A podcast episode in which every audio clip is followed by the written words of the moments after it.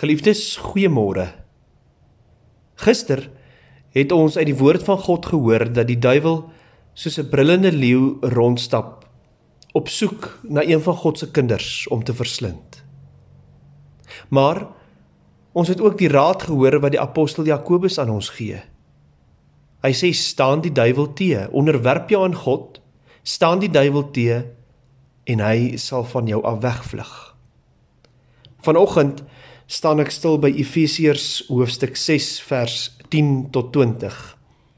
En in hierdie gedeelte kom gee die apostel Paulus vir ons verdere raad oor hoe ons hierdie oorwinnende stryd teen die duiwel kan veg. Die volle wapenrusting van God.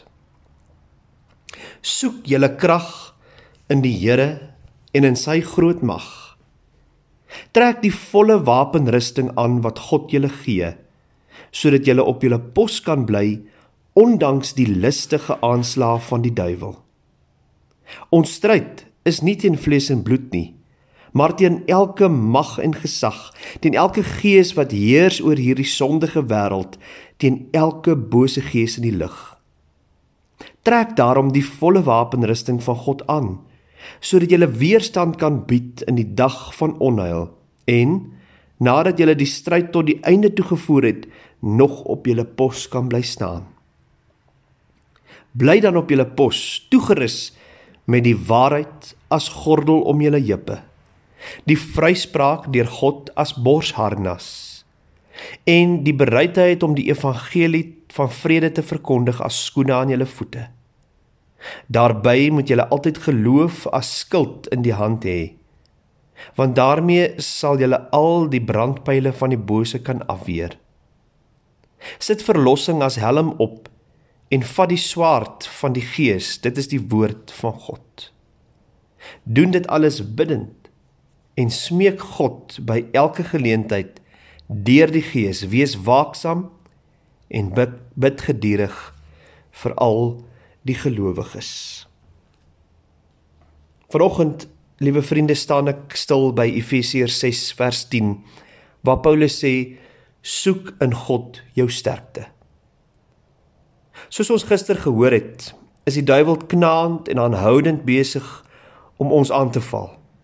Hier in Efesiërs 6 vers 12 sê Paulus dit ook baie duidelik, ons stryd is nie teen vlees en bloed nie, maar teen die onsigbare magte van die bose. En daarom gee Paulus dan hierop die belangrike raad om in die eerste plek ons krag in die Here te soek en tweedens om ons te bewapen met die geestelike oorlogstoerusting wat God bied. Die feit dat ek en jy gelowiges is, stel ons hoegenaamd nie vry van die vyand se aanslae nie. Maar dit gee ons wel toegang tot die krag van die God wat ons aanbid. Die God wat reeds die bose in Christus Jesus oorwin het.